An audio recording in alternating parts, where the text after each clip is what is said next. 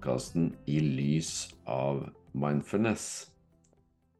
Som alltid så gleder jeg meg til eh, å spille inn, og i denne episoden så har vi også en gjest, og det er Beate Mangseth. God dag, Beate, og hjertelig velkommen til eh, podden. Hei, Ivar. Takk for det. Um, kan ikke du, hvis vi hopper bare rett inn i det, da, kan ikke du si litt om uh, hvem du er? Ja, det kan jeg gjøre. Hvem er jeg? Jeg kan jo starte med litt sånn yrkesfaglig bakgrunn. Jeg er utdanna psykolog. Mm. Eh, og så jobber jeg som psykolog. Og så jobber jeg tre dager i uka som høyskolelektor Mm. på Oslo nye høyskole. Og så er jeg mamma til to barn. Jeg har en datter på ti og en sønn på syv. Og så kjenner jeg jo deg fra før. Eh, Jeg har jo vært med på instruktørutdannelsen din. Yes. Og det var jo egentlig lys av eh, Eller det var jo egentlig min tidligere arbeidsplass som, Mm. som sendte meg dit. Så det var jo på en måte sånn jeg, kan man kalle det, oppdaga mindfulness, eller fikk begynne å teste det ut på egen hånd. Mm. Ja. Så, så du jobber både klinisk du, og, og med undervisning? Det stemmer. Ja. Høres ut som en eh, fin eh, oppdeling og en eh, ålreit tilværelse. Litt Det er det så absolutt. Det er Ja. helt supert. Ja. Trives, trives med jobbene mine, og, og litt sånn variert også. For det å jobbe Mm. klinisk er jo veldig givende og veldig krevende. Jeg pleier også å stille et spørsmål i denne podden, og det er om du opplever at det har vært et før og et etter. Det høres ut som et litt sånn dramatisk spørsmål, egentlig, men, men altså før og etter mindfulness, er det noe sånt for deg? Ja, det svaret er jo et klinkende ja, i hvert fall. Mm. Og utover det så er det vanskelig å svare veldig sånn spisset på det. Kunne sikkert snakket i, i fem timer om det, eh, sikkert lenger òg. Og det er jo andre som har stilt meg det spørsmålet før, i litt sånn spontane settinger. Jeg syns det er litt vanskelig å svare på. og Svaret kan fort bli litt sånn teknisk. Eh, bedre søvn eller bedre følelsesregulering eller masse sånne ting. Som jeg absolutt har merka forskjell på. Em, men ja, jeg har jo holdt på med det her i ca. tre år nå, blir det vel. Og jeg har jo fortsatt min praksis, holdt jeg på å si, etter den instruktørutdannelsen ble avslutta òg. Mm. så jeg vil jo si at det er en radikal eh, forskjell på før og etter, definitivt. Um, kan nesten ikke komme på noe annet som har skapt endringer uh, som er mer sånn uh, Som ligger dypere. Uh, altså endringer i meg selv. Jeg kan ikke komme på noe annet som har hatt så stor effekt som mindfulness.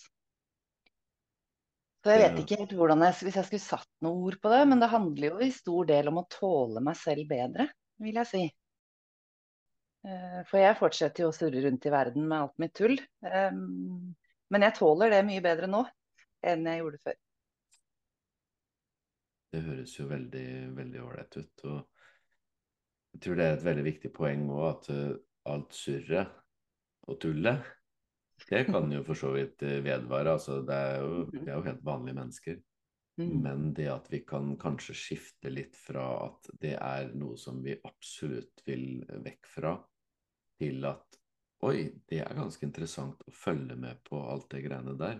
For i Mm. det så ligger det ganske mye muligheter. Det er så sant. Ja. Jeg er 100% enig.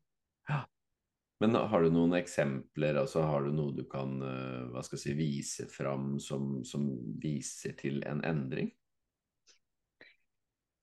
Ja, det Noe av det første jeg la merke til, som jeg la merke til etter ganske få uker, var jo at jeg fikk en økt evne til å regulere meg selv følelsesmessig. Det er altså en sånn emosjonsregulering, og spesielt i de mer krevende situasjonene. Typisk sånn krangling i nære relasjoner eller, eh, eller sånne ting. For det at følelsene roer seg litt, skaper jo et slags nytt rom Mm. eh, til å få tenkt seg litt om, eller eh, eh, beholde roen, eller ikke handle eller snakke reaktivt. Eh, så i forlengelsen av det så har det jo hatt stor påvirkning på relasjonene mine. Det er jo kanskje det aller viktigste. Mm, relasjonene til jeg vil jo si alle, men særlig viktig kanskje i de nære relasjonene. Til, til partner og til eh, barna mine og um, Så eh, ja, jeg kommuniserer jo eh, bedre, kanskje, går det an å si. På en litt mer sånn ko- Kommer fra et litt sånn tryggere sted i meg selv. Så hvis jeg skulle komme med noe absolutt konkret, så tror jeg det er i hvert fall det jeg vil trekke fram. Men, men når du sier at det er eh, ingen annen tilnærming da, som du har opplevd, som har da gitt en sånn type utvikling, eh, og at du opplever det også da som litt radikalt, Mm. eh, hva, hva tenker du er det som skaper den effekten, og hva er det som gjør denne tilnærminga da radikal, da, kontra andre tilnærminger tidligere? Um, ja, det er et vanskelig spørsmål å svare på, men det er jo at jeg blir bedre kjent uh, med meg selv. Mm. snakkes jo mye om ærlighet i mindfulness, og det å tørre å se på seg selv med ærlighet. Um, så det handler jo mye om det. At hvis man ser på alt det surret som er livet, holdt jeg på å si, og alt det som vi alle har mye av, tanker og følelser og stress og hva det nå skulle være, så navigerer jeg på en måte ikke etter det. Eh, Sånn at jeg blir jo kjent med noe dypere i meg selv, eller noen som har en litt annen ro, da. Og det å handle ut ifra det ståstedet. Nå sier jeg ikke at jeg alltid gjør det, men i hvert fall de gangene jeg får til det, så blir det jo eh, en helt annen interaksjon. Um, og så er det jo dette med å være til stede her og nå, som jeg absolutt ikke får til så ofte heller. Men, uh, men de gangene man får til det, så påvirker jo det uh, selvfølgelig også relasjoner der og da på en veldig god måte. Det blir en ro og ærlighet i kommunikasjonen. Jeg merker det kanskje særlig godt med barna mine. Eh, hvis vi evner å være i, i et rom, jeg mener ikke et fysisk rom, men et, eh, et sted hvor vi alle kan få lov til å være sånn som vi er, uten at vi er på vei noe sted, eller jeg skal ha noe av de, eller eh, jeg skal kontrollere de litt, kanskje. Jeg er jo mamma, så jeg vil jo at ting skal gå bra, og sånn som jeg har sett for meg. så, så den på en måte litt sånn ærligheten og litt sånn å gi slipp på de forventningene som kanskje er knytta til en kontroll eller en frykt for ja, hva det nå skulle være. Jeg vet ikke om det gir noe mening, eller om jeg Jo. klarer å forklare meg på noen forståelsesfull måte her. Jo da, absolutt, absolutt. Eh, Et, et annet spørsmål som jeg syns også er interessant, fordi nå har jeg jo hatt eh, noen psykologer eh, med, Mhm. eh, og det syns jeg er, eh, er veldig hyggelig. Ja. Og så tenker jeg da fra den bakgrunnen som du har da, med å jobbe med ulike metoder, Mhm. eh, og det da å komme i berøring med mindfulness på den måten som du gjorde, er det noen eh, vesentlige forskjeller? Altså er det noe som er spesielt interessant eh, med mindfulness, da sett i lys av det andre, eller det andre også? Andre metoder da sett i lys av mindfulness?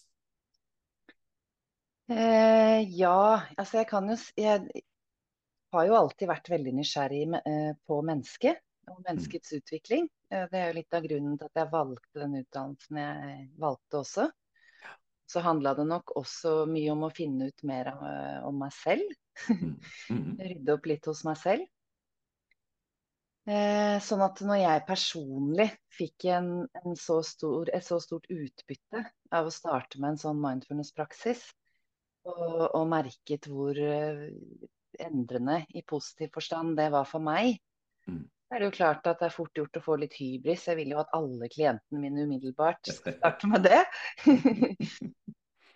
Jeg gjorde jo selvfølgelig ikke det, men jeg merka jo den iveren i hvert fall. Og så tenker jeg jo litt sånn på mindfulness eh, hvis man skal sammenligne med en del andre terapeutiske tilnærminger, så er det jo veldig mye eh, ansvarliggjøring.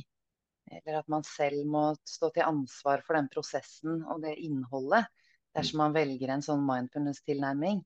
Eh, og så kan en eh, psykolog eller en mindfulness-lærer eller en mindfulness-instruktør fungere mer som en veileder enn en leder. Ja. Eh, altså en som går ved siden av. Framfor, og mange, vil jo, altså mange kommer jo til terapi fordi de vil ha en quick fix, eller eh, de vil at psykologen skal ha svarene. Eh, så det kan jo være en litt sånn utfordring å navigere i. Og litt viktig å liksom vurdere litt sånn ordentlig hvem, hvem som på en måte kanskje er klare for noe sånt og kan nyttiggjøre seg det, og hvem som ikke er det. Um, og så skal det jo sies at jeg, hadde, jeg hadde, fikk en etterutdannelse i, i, noe som heter ACT, som er en sånn psykologisk terapeutisk tilnærming. Uh, aksept og forpliktelsesterapi uh, heter det på norsk. Uh, og den var jo jeg i gang med, sånn at det at jeg fikk den instruktørutdannelsen fra den samme arbeidsplassen, hang nok litt sammen. Fordi at den aksept- og forpliktelsesterapi tilnærmingen rommer jo mye av disse mindfulness-prinsippene. Eh, så det har jo vært en veldig nyttig metode for meg å fortsette med. Um, også i kliniske sammenhenger. For der brukes jo mange av disse prinsippene fra mindfulness, men kanskje på en litt mer sånn teknisk måte. Men hensikten er jo den samme som vi tenker om mindfulness, at det på en eller annen måte er nødvendig med noe erfaringsbasert innhold for at vi skal gjøre en endring. Altså vi må oppleve eller erfare noe i oss selv for at det skal kunne skape en faktisk og varig endring. Hadde en gjest her eh, nylig i en eh, episode som enten nå lytteren har hørt, eller som lytteren kommer til å høre. Det er nå som vi snakker her nå, så er jeg ikke helt sikker på rekkefølgen. Men Jon Arne Løkke, som er dosent ved Høgskolen i Østfold, og da i psykologi. Og han er jo da veldig glad i ACT. Så vi snakka en del om ACT fordi tidligere så i hermetegn krangla vi litt. Fordi jeg er jo litt opptatt av det indre, som du vet. Mm. Og Jon mente at det var da Det var til stede i ACT altså som da selve i kontekst. Og derfor så gikk jeg inn i dette litt og forberedte meg litt, så jeg hørte på han eh, grunnleggerens eh, beskrivelse av eh, da han satt på teppet og han plutselig kunne, kunne betrakte seg sjøl i et ordentlig perspektiv. Ikke bare sånn i perspektiv, men han innså at han var verken kropp eller, eller tanker. Mm. Og hadde da en fruktbar, fruktbar dialog fra seg selv med det han tidligere trodde var seg selv. Ja, ja. Så, så, så det, det, er veldig interessant. Men det som mm. også Jon uh, sa, så ikke vi sporer helt av på act-delen, men han hadde en modell hvor han lagde en stor firkant. Og så nede i ene høyre hjørne så lagde han en mindre firkant som var svart. Og det er gjerne alt det som vi da helst ikke vil ha noe av. Og så mente han at det terapi i all hovedsak eh, handler om å prøve oss å fikse eller fjerne det vi ikke vil ha noe av. Mm. Og jeg tenker kanskje at det her at mindfulness kanskje skiller seg litt fra enkelte andre tilnærminger, i hvert fall, og er litt radikal annerledes, er at vi, vi møter ikke noe sånt med å ikke ville ha det. Nei altså metodikken eller tilnærminga, så oppøver vi i hvert fall kapasiteten til å prøve å møte det uten å ville ha det bort. Mm. Det er jo ikke det samme som at jeg syns at alt det som kommer opp i meg, er sånn jubel. Så det kan fortsatt være Det er fortsatt tendenser som møter det med 'det vil jeg ikke ha'. Ja. Men også det møter vi med OK, det var interessant. Hva er det mm. som skjer der? For sånn at det er, det er ikke noe som er ikke noe som er grunnleggende feil. Alt er egentlig helt ok mm. som en erfaringsmulighet. Det er et veldig godt og viktig poeng, tenker jeg, når det gjelder ACT, og jeg er helt enig. Mm. Um, man snakker jo i mange metoder om på en måte psykisk syk da, eller psykisk frisk. ikke sant? Hvis man har nok symptomer og, og varigheten er lang nok osv., så, videre, så så kan vi passe til en eller annen diagnose. Mm. Det er jo målet i terapi selvfølgelig å bli frisk fra diagnosen, og da må vi jo få bort alle disse symptomene. Ja. Uh, mens i ACT så snakker man jo om psykologisk fleksibilitet versus Mm. psykologisk eh, rigiditet. Mm. Eh, og da, da, da slipper vi helt fri fra den er du syk, er du frisk? Eh, og så kan vi gå mer tilbake til å bare være menneske og se er det noen områder vi har muligheten til å styrke. Eh, og så videre. Så tenker jeg det er veldig nyttig i det terapeutiske rommet òg, fordi at hvis begge som sitter der er opptatt av at noe må tas bort, og, og, psykologen tenker at oh, jeg gjør jo ikke en god jobb hvis ikke jeg får redusert disse symptomene, eller hvis vi ikke får tatt bort um, den lille firkanten, som du sier, da, som er nede i hjørnet der. Um, så det gjør jo noe med rommet også, at det tillater jo meg å på en måte akseptere hele klienten uten at jeg har en plan om å få bort eh, deler eller sider ved klienten. Det, det, er et viktig og fint, fint perspektiv, ja. Merker du da at da får du en mye større kapasitet til å være med klienten? Ja, i høyeste grad. Ja. Jeg kan jo flytte min kapasitet tilbake til her og nå, og i større grad være til stede. Og i Mm. mindre grad være opptatt av den framtiden hvor vi har fiksa problemene. Framdrift. Jeg, jeg tror dessverre at ofte så møtes hva skal jeg si, en klient og behandler, eller en coach og en klient, eller hva det måtte være. Altså møtes dessverre, tror jeg, ofte i, i en enighet om at forventning skal innfris. Ja. Altså, klienten har en forventning om å bli fiksa, Mm. og terapeuten eller hjelperen blir med på den forventninga, og legger også den forventninga på seg selv, og skal Mm. da levere noe. Ja. Og dessverre da så er det også, tror jeg, en enighet på hva en leveranse er. Mm. Leveranse er å føle seg litt bedre og ja, få bort litt den firkanten litt av det som smerter, få det bort lite grann. Mm. Og, og, og dessverre da så, så tror jeg den infiseringa av det rommet er egentlig hovedproblemet for å få en virkelig utvikling. Ja, det tror jeg definitivt at kan stemme, ja. Mm. Det tenker jeg.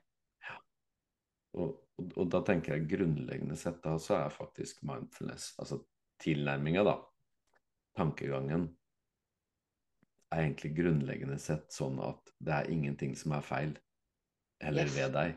Mm. Og det gjelder også terapeuten. Mm. Og da at terapeuten da kan sitte der og registrere motvilje eller irritasjon eller frykt, altså litt redd eller gud vet hva, ikke sant. Og det, er- men det er jo helt greit. Ja. Selvfølgelig, det er jo et menneske. Mm. Men da kan det frigjøre kapasitet til å møte det andre mennesket, som da antageligvis har en del av det samme. Da, Mm. da blir det en annen berøring hvor, hvor ingenting egentlig er feil, og, og alt er mulig å se på i rett tid. Yes. Ja, det, er, Enig. ja, det, er- det er utrolig spennende, det her. Ja, Eh, det er det, det. det, det må jeg virkelig si. Og det er jo langt fra sikkert at jeg forstår hva terapi er, men jeg syns jo det var interessant når Jon nevnte det på den måten. At det Mm. er, det er hovedsaken. At det er noe som vi vil ha bort.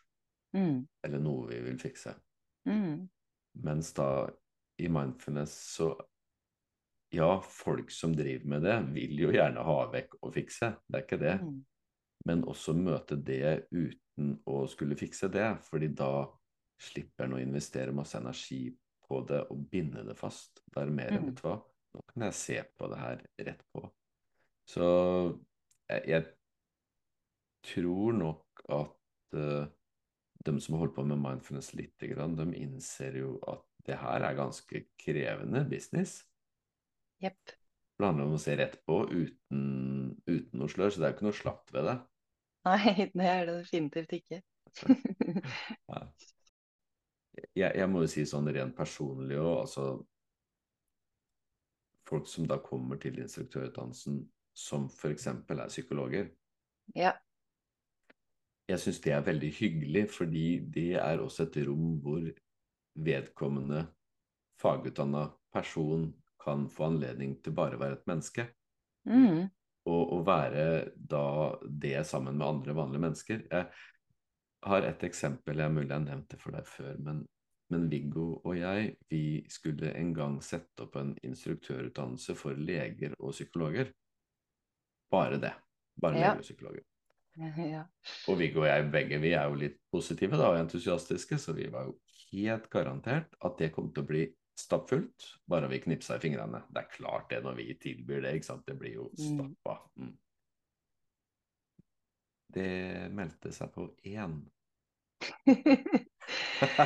og da tenkte vi hva i all verden er det de driver med? Vi har jo kanskje da litt overdreven sjøltillit òg, men, men, men jeg tror det kan ha litt å gjøre med at hvis du samler da mange som er såkalt altså hjelpere da, for andre, og fagutdanna på et visst plan, så kan det være litt vanskelig å gå inn i noe hvor det er ja, bare kan komme inn som mennesker. da. Mm. Jeg, jeg, jeg bare tenker at det kan være en mulighet, så, så det, det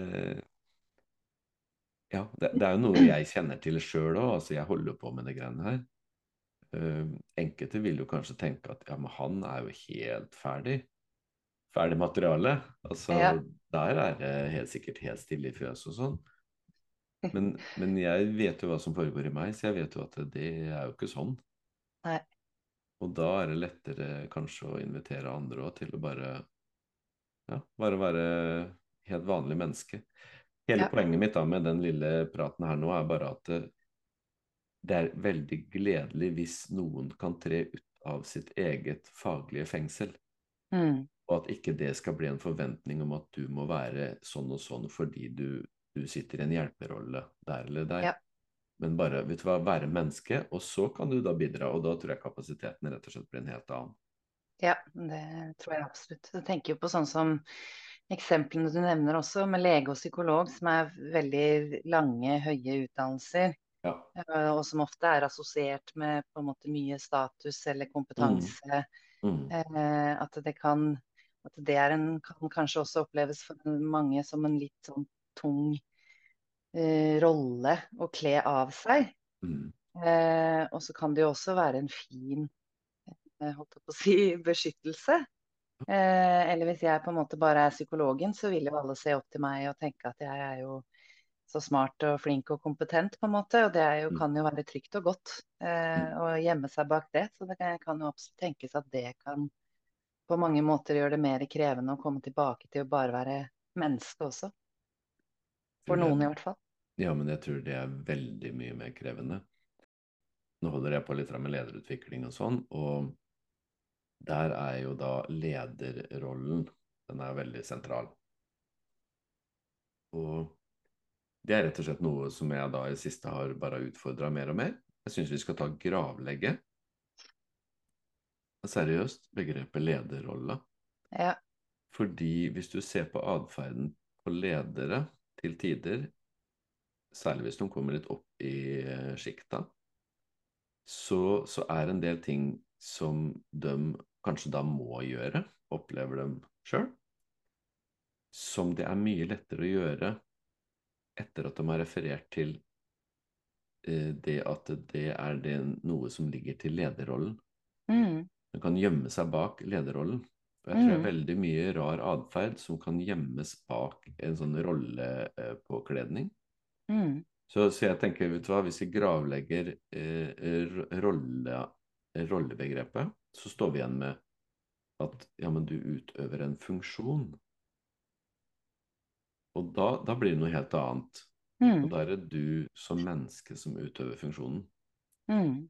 Men samtidig så er kanskje funksjon det er litt sånn mekanisk, litt sånn hardt. Mm. Eh, så hvis vi tar ett hakk videre, da, så er ja, men du som menneske, du kommer med et bidrag. Mm.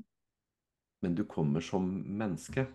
Og da er forventningsbyrden som ligger i et hva skal jeg si, terapirom, f.eks. Hvis, hvis vi tar vekk den, så men da kommer Beate, Mm. Altså menneske og Ja. det andre mennesket. Og så møtes vi, og så berøres vi. Og så berøres jo du like mye av det som foregår i rommet som den andre. Mm. Fordi jeg mener når du går hjem, så er jo du deg selv uansett. Ja.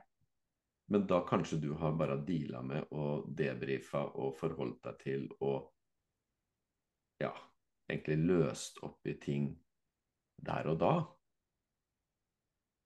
I tillegg så får jo du tilgang til en helt annen, eh, helt annen sensitivitet hvis du er der som menneske. Mm. Er ikke det litt spennende? Jo, det er kjempespennende. Jeg får noen assosiasjoner til eh, min tidligere egentlig veileder innenfor eh, Ja, litt både Men eh, ACT også. Men han eh, snakket en del om det. Psykologspesialist fra min tidligere arbeidsplass. Han Mm. kalte det for FRP. Han hadde jobba en del i organisasjonspsykologi, han òg. Ja. Med nettopp disse ordene funksjon, rolle og person. Ja. At det er litt viktig å skille på de tre. Og at som du sier, dette med person må også være med. Ja. Eh, fordi at eh, vi må jo inkludere at selv om du og jeg hadde hatt nøyaktig samme rolle og nøyaktig samme stillingstittel, så ville vi jo nødvendigvis ha utøvd de på veldig ulik måte, nettopp fordi vi er to forskjellige personer. Ja. Vi er ulike. Og Mm. hvis, hvis du kan tillates å være sånn som du er, og jeg kan tillates å være sånn som jeg er, og da mener ikke jeg at eh, ja, men jeg kan gjøre som jeg vil fordi jeg er sånn, det er ikke det jeg mener, men, men jeg mener hvis, hvis vi kan kle av oss selv eh, litt roller, litt forventninger vi legger på sjøl, litt misforståelser, da nærmer vi oss det som er essensen, syns jeg, da, en mindfulness-praksis. Mm. Det handler om å, å avkle sånn at det du er, kommer tydeligere og tydeligere fram. Og da tenker jeg da vil jo kapasiteten din som en profesjonell, da, vil jo bli en helt annen. Mm. Så vil det jo, tenker jeg også, til syne komme en sånn Jeg vet ikke om det er riktig ord, men en slags sånn naturlig autoritet, da. Ja. Istedenfor en påkledd autoritet. Yes. At autoriteten kommer innenfra. Og det er jo tillitsvekkende i seg selv, tenker jeg, dersom man er en leder eller en psykolog eller en lege eller hva det nå skulle være. Jeg tenker, det, er ikke, det er ikke bare hva skal jeg si, tillitsvekkende, men, men, men det, er, det er Det er så tydelig. Mm. Altså, alle vil kjenne nettopp det, og det er et veldig godt rom å være i når det er et annet menneske der som, som kan hvile i seg selv, ikke Mm. bak en rolle eller maske. Ja. Mm. Og det, det, er noe, det kjenner vi jo alle sammen. Ja. Det er eh, ja, helt nydelig. Og tenk for den som sitter der da i en rolle eller i, bak en tittel eller hva det måtte være, hvis vedkommende kan legge det litt til siden og, og være der med seg selv, Mm. hvilende. Mm. Det, det er ikke så mye du trenger å rydde i kanskje da i etterkant. Nei, det tror jeg nok, ja. Ja, nei, vi hadde en, eh, en samling nå forleden dag, og da Da ble det litt snakk om roller, da. Og da var det en som sa at men Ivar, når du er her og underviser, da, da er jo du i en rolle. Og da nekta jeg plent. Nei, det er jeg ikke. Nei. Og Men på en måte så er det jo det også. Jeg tenker sånn, hvis vi to uh, jobber sammen og en av oss er leder, så er jo rollen til stede for å vite hvem som skal ta avgjørelsene. Så hvis du er eh, lederen min, så, så ligger det nødvendigvis i de rollene at dersom du eh, på en måte bestemmer at nå går vi den veien, eller nå ønsker jeg at du bidrar med den arbeidsoppgaven, så vil det være naturlig for meg å svare ja på det, for jeg vet hva slags rolle vi har. Så det kan jo være nyttig for å vite hvem som skal gjøre hva, holdt på å si, og sånne ting. Jeg tenker jo at vi har, vi har jo de rollene, men, eh, men hvor viktig det er å huske på at vi er også personer, og, og selvfølgelig først og fremst personer eh, og mennesker.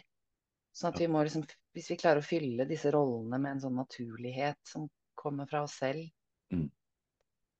Ja, men, men jeg har da egentlig ikke noen interesse av å fylle en rolle. Altså når jeg da er der og underviser, så, så opplever jeg at mitt mandat er gitt ved Mm. at folk melder seg på og vil delta ved en instruktørutdannelse i Mm. mindfulness. Mm. Så mandatet er at folk skal utdannes i mindfulness. Og eh, som du vet, så er jeg relativt tydelig på, på det sånn innledningsvis, at Mm. det er Jeg kommer til å være tydelig på formen. Uh, samtidig, det er ikke noe uniform. Og da er det det mandatet jeg er satt til å forvalte. Men hvis jeg går inn i en rolle der, altså da vil si at da, da kler jeg på meg noe, i min forståelse, da, da kler jeg på meg Ja. noe som jeg da skal vise fram, og Ja. som jeg også kan gjemme meg bak. Men det jeg prøvde å si når jeg var der inne, at ja, men jeg er, jeg er lik her nå som jeg er hjemme. Mm. Og det er jo krevende, fordi det er Mm. jo en øvelse og noe jeg faktisk jobber med òg. Mm. Å å være naken. Ja. Altså, sånn her er det. Ja. Og prøve da å registrere ut at der, nå gjorde du deg til litt. Mm. Nå gjemte du deg litt. Det er, det er min praksis. Den, Mm. den er praktisk. Men, men, men hvis jeg kommer hjem og finner ut at du, nå, nå drev jeg og gjemte meg eller flotta meg eller et eller annet, så er det noe som må ryddes i. Ja. Så, så, så jeg vil gjerne kunne være menneske og så fri som mulig når, når jeg utøver det jeg skal utøve. Mm. Så, og det var en som mente ja, men du, du kan jo ikke bare gjøre som du gjør hjemme, du kan ikke kle deg naken. Nei, det ville jo tatt seg litt rart ut hvis jeg dro ned buksa plutselig og tenkte at nei, men jeg er jo helt fri, jeg. Det er jo, det er jo ikke det. Nei. Det, det er uttrykk, altså uttrykket. Mm. At det Jeg skal si at uttrykket kan være så ubundet som som det kan være. Ja. Det um, Kommer kanskje for- litt an på hvordan man bruker disse begrepene òg, for jeg er jo helt Yes. enig med deg. Eh, og så tenker jeg at vi kan jo oppdage, liksom, ettersom vi tør å kle av oss litt, altså ikke bokstavelig talt, men sånn Nei. Alle disse beskyttelseslagene eller mekanismene våre, at det er mulig å være seg selv også i rollene sine. Eh, om det går an å si det på den måten. For jeg opplever jo også at når jeg er i klinikken, så er det jo også roller. Og de tydeliggjør jo hvem som har ansvar for hva. Mm. Hvis ikke de rollene hadde vært der, så kunne jo jeg begynt å prate om alt det tøffe i livet mitt, og så fått klienten til å sitte og høre på det og trøste meg. Og, ikke sant? Da er vi jo helt utenfor de rollene Ja. eh, som er satt. Mm. Eh, men å oppdage at den rollen kan fylles med meg selv, da, Ja. eh, tenker jeg er kanskje sånn jeg ville brukt eh, ja, de ordene. Ja, ja og det, det, det, jeg tror nok at vi, vi snakker i veldig stor grad om det samme, bare bruker litt ulike ord. Jeg Men- hører på det. Men, men, men det er der igjen da den litt mer radikale tilgangen da, eh, Ja. som jeg anbefaler ved å, å Yes. gravlegge rolle. Mm. Og så kan heller beskrive, vet du hva, det som du skal gjøre når du er på jobb, det er at du utøver noe. Du skal komme med et Mhm. bidrag. Ja. Og det bidraget, det forutsetter at du, du skal hva skal jeg si, du skal utøve dette på en eh, spesiell måte, og det er noe da som Ja. ikke du skal. Du skal ikke sitte og snakke om deg sjøl hovedsakelig i en terapisession. Eh, men, men du er hvis, eller hvis vi lar det rollebegrepet dominere, så er det fort at vi må liksom skli inn i en form. Jeg tror det er veldig Mm. mye misforståelsesmulighet i det.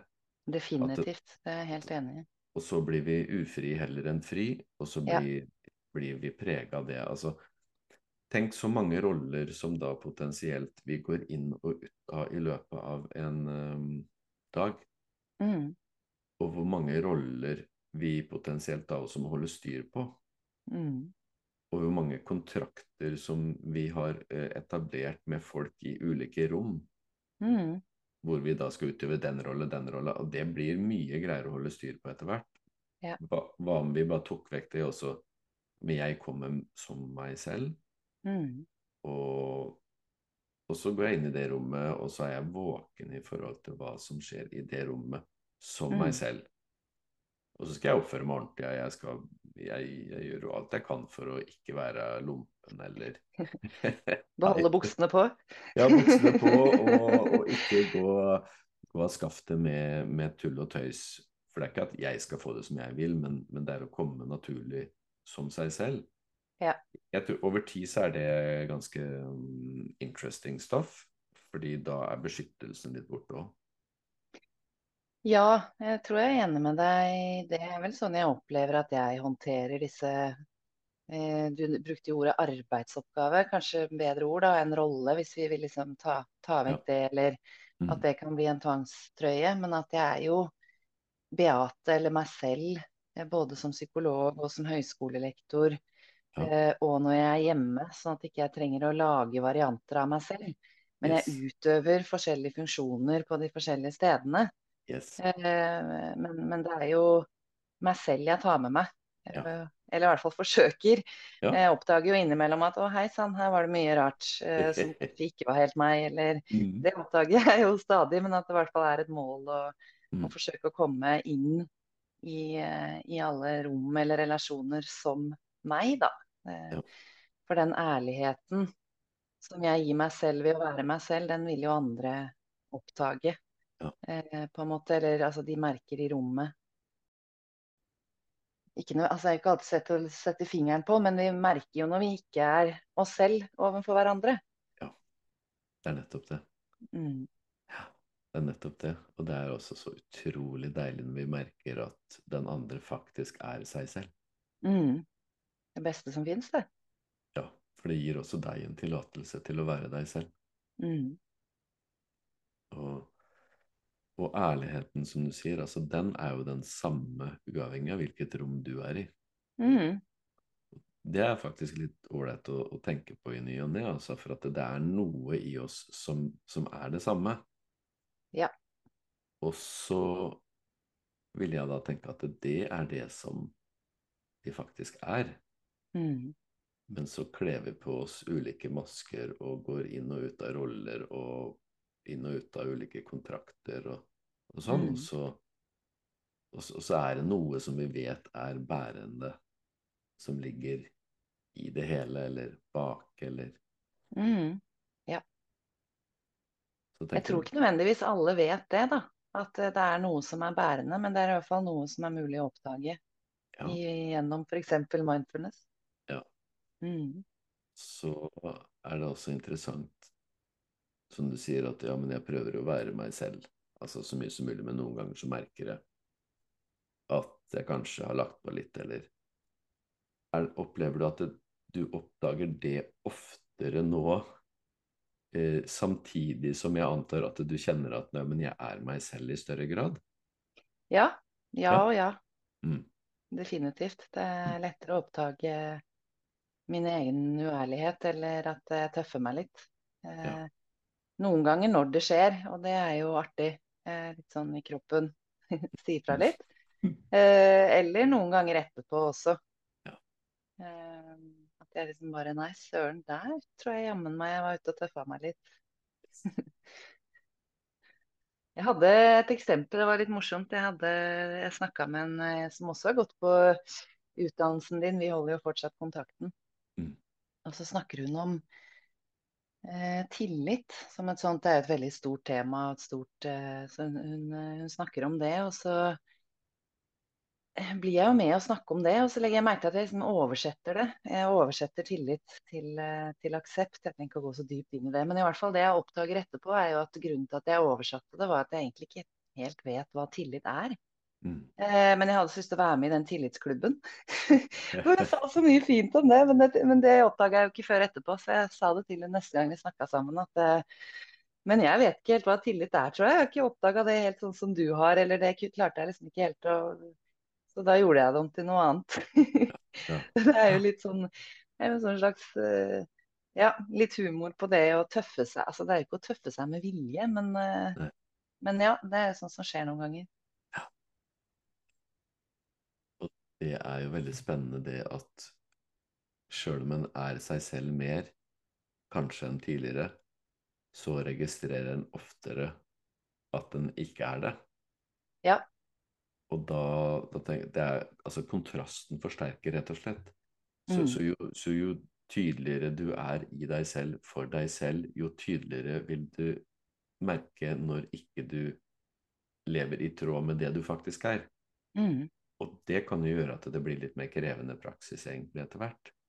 Mm. Men samtidig så antar jeg at du kjenner at ja, men det er jo bare Det er jo interessant, og det er spennende, og det er egentlig ikke så krevende, men det er Ja, jeg syns eh, det er mange ting som er veldig krevende med å ha en mindfulness-praksis.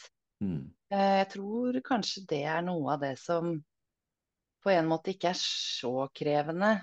Eller ja, det kan jo hende at jeg oppdager noe annet senere, så det vil tiden vise. Men i hvert fall så er det jo en innmari ok opplevelse, det å være seg selv. Eh, eller det å være i sin egen ærlighet, på en måte. Sånn at det belønner seg litt selv, hvis man kan si det sånn. det, det er jo en utforskningsreise som da, hvis gleden finnes ved det, så belønner jo det seg sjøl hele tida. Mm, mm. Det, er- det er jo bare det. Ja. Er helt, helt fantastisk. Har du et tema, eller, Beate? Da hopper vi rett inn i det. Ja, jeg drev og tenkte så fælt på det også.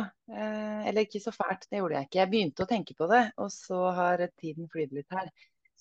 Men eh, de ordene som dukker litt opp for meg, eh, det er balanse. Ja. Og litt sånn opp mot dette med skilleevne, holdt jeg på å si. Mm. Jeg syns det er litt sånn interessant hvordan balanse kan fungere i mindfulness. Eh, og det er jo et veldig stort begrep, da. Eh, balanse, på en måte. Hva, hva er det? Alle har jo hørt om det, og vi ønsker oss jo alle det, på en måte. balanse i livet osv. Men jeg syns det var interessant når jeg begynte å meditere. Eh, jeg nevnte jo litt sånn innledningsvis her også dette med relasj- relasjonell kompetanse, eller det å på en måte håndtere konflikter. Eh, og så merket jeg eh, en stund etter jeg begynte å meditere for Jeg har nok tidligere hatt en tendens til å ha en litt sånn offensiv rolle i konflikter. Eh, ikke det at jeg så ofte er i konflikter, altså det er jeg virkelig ikke, men, men de gangene det skjer, og, og kanskje spesielt i de nære relasjonene. Litt sånn offensiv og holdt på å si aggressiv, skal rydde opp med en gang, og det skal snakkes om. og Eh, og så begynte jeg å merke at når det blei skurring på tråden i, i sånne nære relasjoner, og, det, og dialogen ikke var noe OK, så begynte etter hvert det helt motsatte å skje.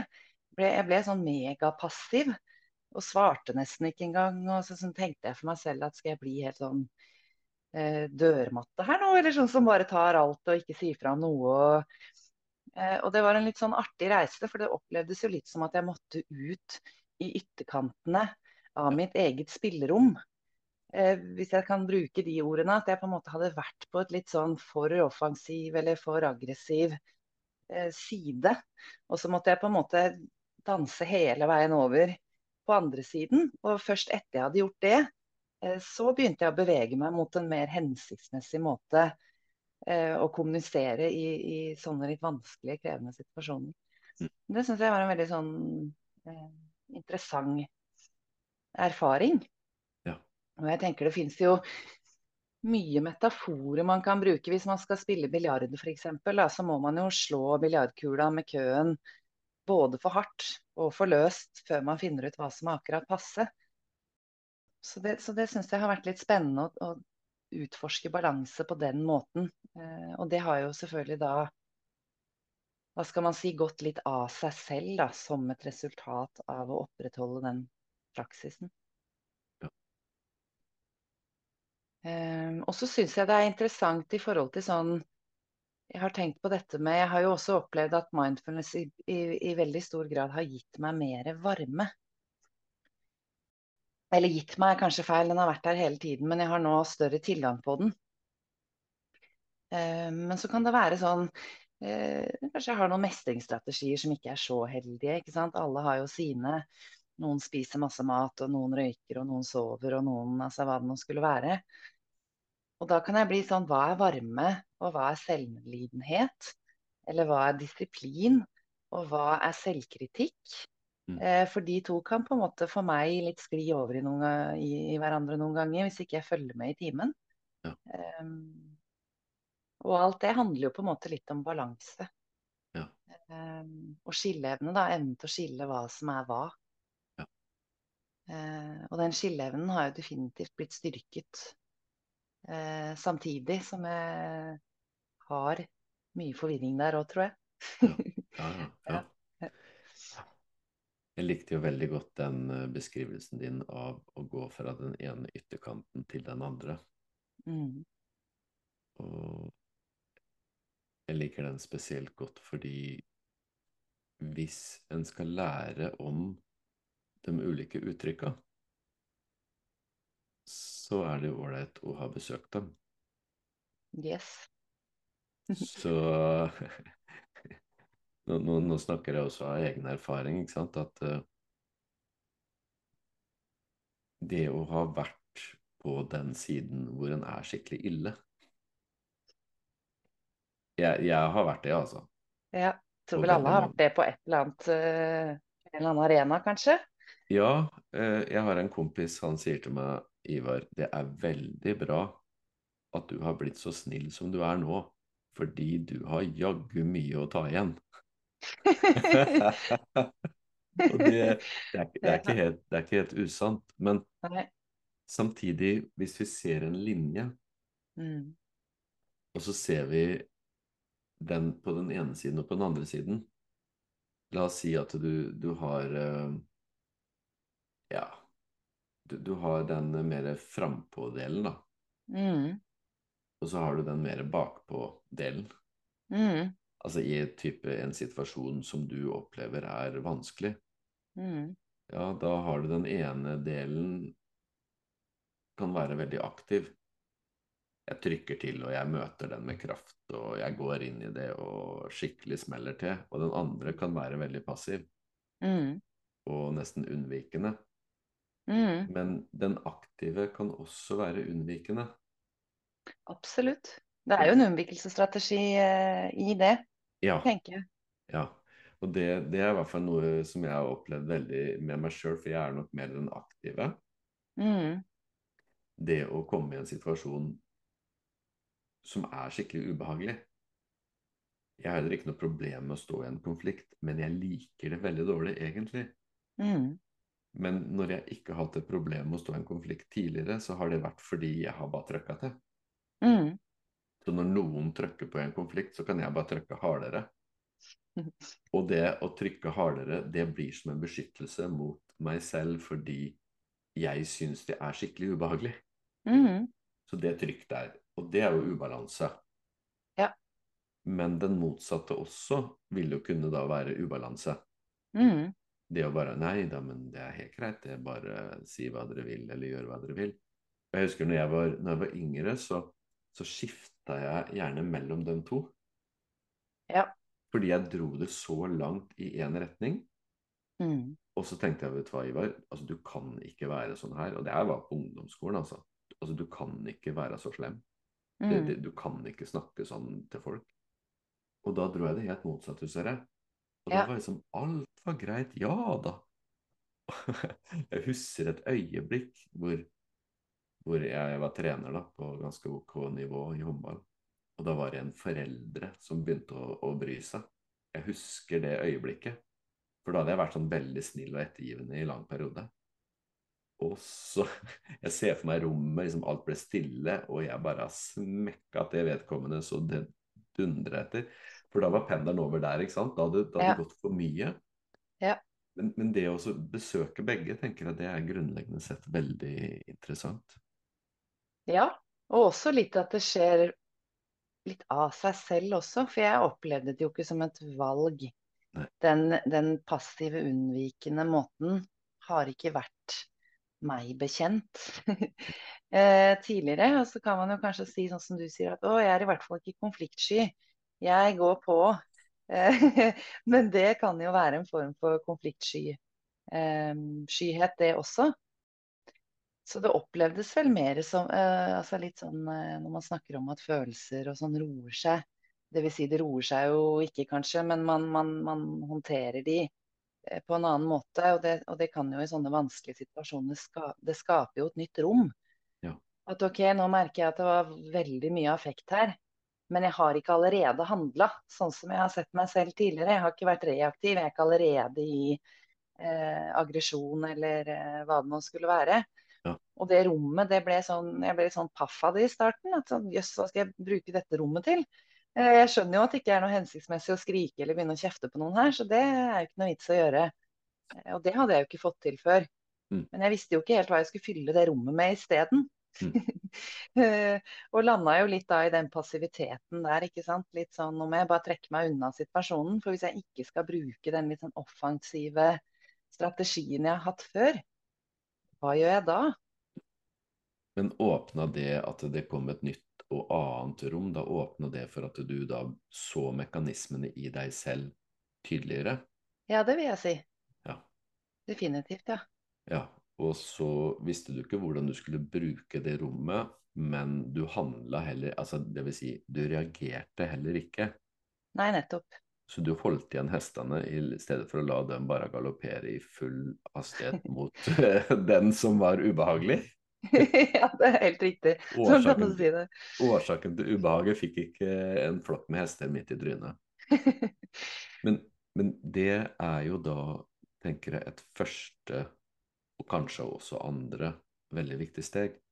Mm, Det ene er at du blir klar over, yes. eh, og det andre vil jeg si nesten at du er Det er en klarhet i situasjonen. Mm, Så, så det at du blir klar over bare Ok, nå er jeg der. Det er sånn Oi, wakey, wakey. Men Ja. så at du opprettholder en klarhet i, i situasjonen, for den varer jo. Ja. For den varer der hvor forslaga kommer på at du skal bare da åpne stalldøra og sparke de hestene i ræva sånn at de ruller over. Ja, men det er jo et forslag. Ja, absolutt. Og det er det første som åpenbart har dukka opp for meg tidligere, da. Ja. Og, og tidligere har det kanskje ikke vært et forslag engang. Nei, Det det er nettopp det, ja. som det, for det har ikke vært noen Nei. klarhet. De har bare rulla ut. Helt, helt riktig. Og så nå da, når klarheten er der, så stiller det deg i en situasjon hvor du kan ta et valg. Mm, Og da er valget skal jeg slippe løs, mm, eller skal jeg holde i tømmene nå mm. og sørge for å, å egentlig stå i dette uten å vike unna? Mm, For det er egentlig det du gjør, men det er ikke sikkert den Ja. er klar over i starten der. fordi da er det bare Nei. vet her må jeg holde igjen, sånn at ikke jeg gjør som jeg pleier. mm, Og da kanskje det er, blir det fort sånn at da oppleves det som at du går i passiv. mm. Nå er jeg bare er jeg dørmatte nå. Ja, eh, det er nok helt eh, riktig. Eh, og så vil det nok kunne observeres utenifra som litt passivt òg, ikke sant. For sånne konfliktsituasjoner, det er jo ofte litt sånn Kanskje litt sånn barnslig begrep å bruke, men litt sånn it takes two to tango, holdt jeg på å si. Så det å få sagt ifra der det er OK å få sagt ifra også, Ja. eh, som jeg nå eh, har landa i, på en måte. At det, det å f.eks. kunne si at vet du hva, nå merker jeg at eh, eh, stemninga kanskje ikke er så god her lenger, eller at vi har gått inn i noe som eh, er litt sånn kranglete, eller eh, er det OK at vi tar en pause, eller eh, Mm. Mm. eh, Altså finne måter å, å, å kommunisere på eh, som på en måte allikevel er å sette grenser for seg selv, eller si fra at man ikke trives med noe, eller Men uten de der eh, hestene som slippes løs, som du sier. Ja, ja, ja men, men det er det altså uten egentlig å angripe eller mm. å falle bort.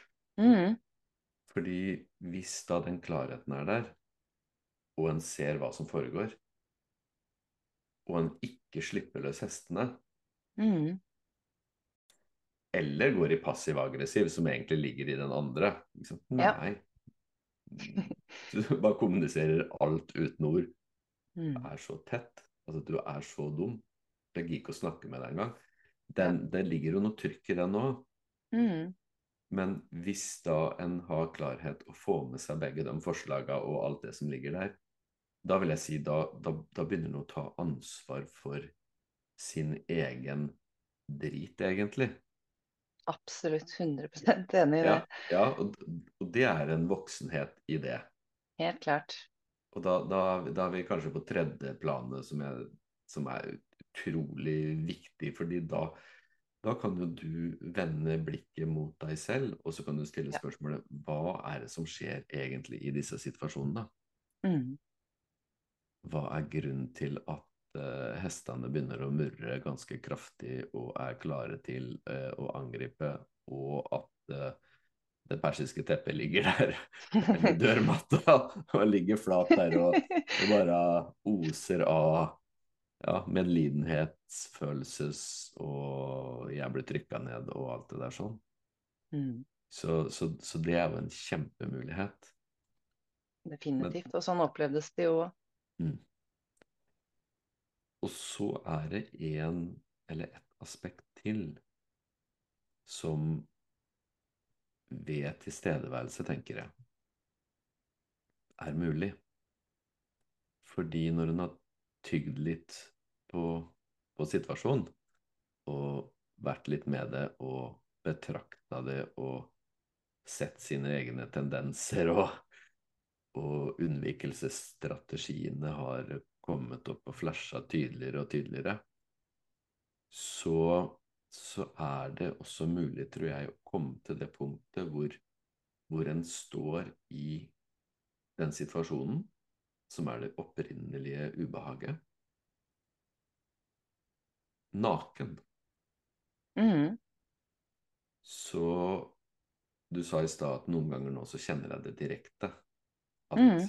et eller annet jeg har gjort, det tøffa meg, eller gud vet, ikke sant. Og Mm. det er jo veldig gjenkjennelig. Men da kan det skje i real time. Mm. Ok, der kom forslag, nå skal jeg gjøre meg til, eller nå skal jeg beskytte meg, eller hva det måtte være. Ok, men jeg blir stående. Og så møter jeg den situasjonen som jeg syns er ubehagelig. Og jeg møter den som meg selv, naken. Jeg kjenner Mm. at det river og sliter, at jeg har lyst til å bare gjøre det ene eller det andre, men jeg Mm. står. Og det er jo vågestykket.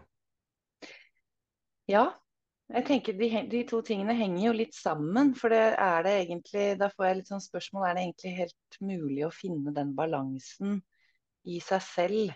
Uansett hvilket tema man man nå skulle velge, men i dette tilfellet om man blir passiv eller aggressiv i konfliktsituasjoner, eller om man finner en balanse, så er det litt sånn Er det egentlig mulig å uh, finne det uten å, å stå der med litt nakenhet, eller stå der som seg selv? Fordi det er jo den seg selv man Det er jo der man kan oppdage hva er mitt balansepunkt. Nettopp. Eh, Så det vil jeg jo si at også har vært en del av den prosessen og har skjedd. Eh, Det er jo litt sånn som dere du har snakket om på denne utdannelsen òg, det med hva er OK for meg, og hva er ikke OK for meg. Og det er jo også noe som eh, holdt på å si, kommer innenfra. Mm. Eh, Så det å, å på en måte kommunisere hensiktsmessig i en konfliktsituasjon handler jo ikke, handler jo ikke om å forsvare sitt perspektiv, eller jeg skal vinne på en måte med mitt perspektiv, eller, eller, eller min versjon av sannheten er den ekte, eller Men mer å bare kjenne etter hva er OK for meg, og hva er ikke det, og få formidla det på en hensiktsfull og OK måte. Ja. Da dør jo egentlig eh, konflikten, er Ja. min erfaring. Og det er jo ganske fantastisk. Ja. Og svaret på spørsmålet om det er mulig, er jo ja. Er absolutt mulig å finne det, hva skal jeg si, balansepunktet, eller det er absolutt mulig å stå naken i en sånn situasjon. Ja, jeg mente mer om det var mulig å finne det balansepunktet uten å stå naken i en sånn situasjon. Nei, Ikke sant? det, det, det går ikke. Nei. Fordi balansepunktet det åpenbarer seg når det er nakent. Det er akkurat det. en gang det er noe som legges på, så er det noe som skaper ubalanse. Mm, det er akkurat det. Du mister kontakten med hva det var som var OK for deg, eller hva det var som ikke var OK. Yes. Mm. Så, så Altså alt, og det apropos balanse, altså alt i naturen, altså absolutt alt, har et eget balansepunkt. Mm. Alt. Og det balansepunktet Vi kan jo bruke f.eks. ærlighet, da. Så da, du vet av ærlighet, og så vipper du ut av det, det er uærlighet. Mm. Så det er balansepunktet, det er ærlighet. Mm. eh, Vi kan også si tilstedeværelse som vei. Ja. Det er da en smal vei som ikke er et strekk, men det er tilstedeværelse. Det er noe du gjenkjenner som der. Mm. Det er sånn. Ja. Sannhet, kall det hva du vil, ro. Altså du kjenner at Ja. noe er balanse, og noe er ubalanse. Ja. Og Det er der det med skilleevne blir relevant i forhold til balanse. Ja. Men så allikevel, eller uansett, når det er en situasjon med litt trykk i, så er det ikke sånn at ubehagsfølelsen og alt det blir borte. Å nei da, det koser seg. Det er full fart.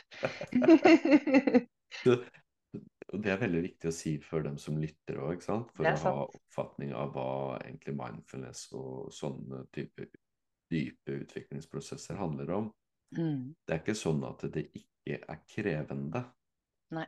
Men det kan etter hvert være mer krevende å gi bort seg selv Mm. til et energetisk uttrykk hvor en beskytter seg. Ja. Heller enn å stå naken og være i eller med seg selv, og ikke tape seg selv. Ja. Og da kommer vi litt tilbake til det jeg sa på starten òg, ikke sant. Må tåle meg selv bedre. For det er jo egentlig det som skjer rent konkret i disse Hvis vi skal gå tilbake til de konfliktsituasjonene som eksempel, Ja. så er det jo ikke sånn at det sinnet ikke dukker opp. Eh, eller, eller redselen eller eh, irritasjonen eller hva det nå skulle være. Det bobler jo full kok Mm. på innsiden. Ja. Eh, så forskjellen er jo bare at jeg ikke handler på det Ja. eh, reaktivt. Eh, sånn at dette var ikke egentlig et valg, jeg bare eksploderte eller Så, så det er jo masse liv Mm. på, på innsiden. Så det er fint at du sier, for det er jo stor forskjell. Det er ikke sånn at jeg nå har fått til å være en som har inner peace i en konfliktsituasjon. Og det er jo ikke hensikten heller. Men det er interessant å se på, på hva det å finne det balansepunktet eller tåle seg selv i sånne situasjoner kan gjøre med handlingsrommet, i hvert fall. da. Men kan det være sånn at det er eh, begge deler samtidig? Fordi hvis, hvis du skal legge merke til alt det som foregår, sånn som vi har snakka gjennom situasjonen nå, Mm. så vil jeg påstå at det forutsetter en inner peace. Det vil si, det forutsetter Ja. at det er noe i deg som er uberørt av situasjonen, og som kan være klarhet, samtidig som det bobler i mer det ytre laget, vil jeg kalle det da. Ja, det er jeg helt enig i. Inner peace er helt feil eh, bruk av ord der, ja. Men uh, mer av disse emosjonene da, som dere jo snakker om, ikke sant, som det ytre. Ja. Uten at Det skal gå i dyb- dybden på det. Men, eh, men ja, det er det som bobler, ja. Og så er det jo en ro bakenfor der da, som tillater meg å stå i det. Tåle meg selv, som, som jeg sier. Mm. Og, og da kan du holde deg i balanse, og det gir deg en mulighet til å ikke tape deg selv, Mm. men å vinne deg selv. Mm. Og det er egentlig å vinne inner peace, eller vinne ro, eller vinne ditt selv, eller altså vinne det som kan utvide seg, og som vil være i balanse uansett. Mm. Det er eh, veldig, veldig interessant. Og bare for å sitere, sitere Vigdis Hun sier noe som at eh, balansens mester søker ikke stillstand. Og stillstand ville være å prøve altså Hvis en som ikke har egentlig forstått det her, da, så den vil kanskje prøve å søke stillstand i alle emosjoner. At nei, vet du, nå må jeg prøve å holde nede alt det som driver Ja. og bobler. Ja. Men livet byr på utfordringer, det byr på opp og ned, og det byr på eh, utløsning av bevegelse. Mm. Og hvis vi tenker at nei, men vet du, balanse det er fravær av bevegelse, så jeg må sørge for at alle de der klovnene som dukker opp som sånne tivolidokker som du skal slå ned, vet du, jeg må sørge for at alt det bare legger seg dødt. Ja, ja. Da Det er noe annet enn balanse. Mm. Så hvis du kan være i balanse i bevegelsen, eller være stille i bevegelsen, eller opprettholde Eller holde deg egentlig i det som er i ro, Ja. mens det skjer. Mm. da snakker vi balanse. Mm. Godt poeng. Veldig sant. ja, det er veldig, veldig interessant. Og hvis en også kan, i en situasjon når det er trykk, velge å Ok, jeg hviler i, i det som nå er i ro. Og så smeller det i omgivelser, og det smeller eh, både her og der. Og møte situasjonen uten å ta i. Mm. Det, det er eh, for oss som har vært vant til å trykke på. Det er, det er, det, det er en krevende øvelse, altså. Ja, jeg liker jo litt godt det begrepet som, som du har brukt der, altså det med å sitte på hendene. Det brukes jo i andre sammenhenger også, men, Mm. men litt sånn For hvis jeg først kan ta, oppdage at oi, nå er jeg veldig i affekt, og denne situasjonen er veldig krevende. Som du sier, det første som, som må skje der, er jo at man blir klar over at dette er sånn det er nå. Mm. Eh, og så i tillegg få til å på en måte ikke gjøre noe sånn umiddelbart. Det er jo litt sånn jeg opplever det du snakker om der. Det med å eh, la seg selv få den tiden. Eh, så får man heller bare være i det, uten sånn spontant skulle på en måte løse det, eller eh, mm. Og igjen, hvis, hvis vi kan snakke om det med fravær av roller, og det å være seg selv Hvis en hviler i, i det å være seg selv, da, da kan jo bevegelsene utafor bare foregå. Livet kan bare sprelle og holde på. Ja. Og så kan da uttrykke seg selv som seg selv, uavhengig av vær og vind. Ja. Og det, det er klart det forutsetter å ha rydda litt i, i systemet og ja, og fått med seg litt åssen det foregår, rett og slett. Mm. Spennende. Ja, veldig. Balanse er, eh, er jo veldig, veldig sentralt. Mm. Du kjenner jo en, en eh, falsk tone. Ja. Gjør det. Det er, eh, det er også sånn med mennesker. Du kjenner når det er noen som ikke helt lever som seg selv. Ja. Ja. Gjør det jo. Det er interessant. Vi, vi, vi vet jo om alt det her fra oss sjøl, egentlig. Eller har muligheten til å vite alt det her fra oss sjøl. Mm.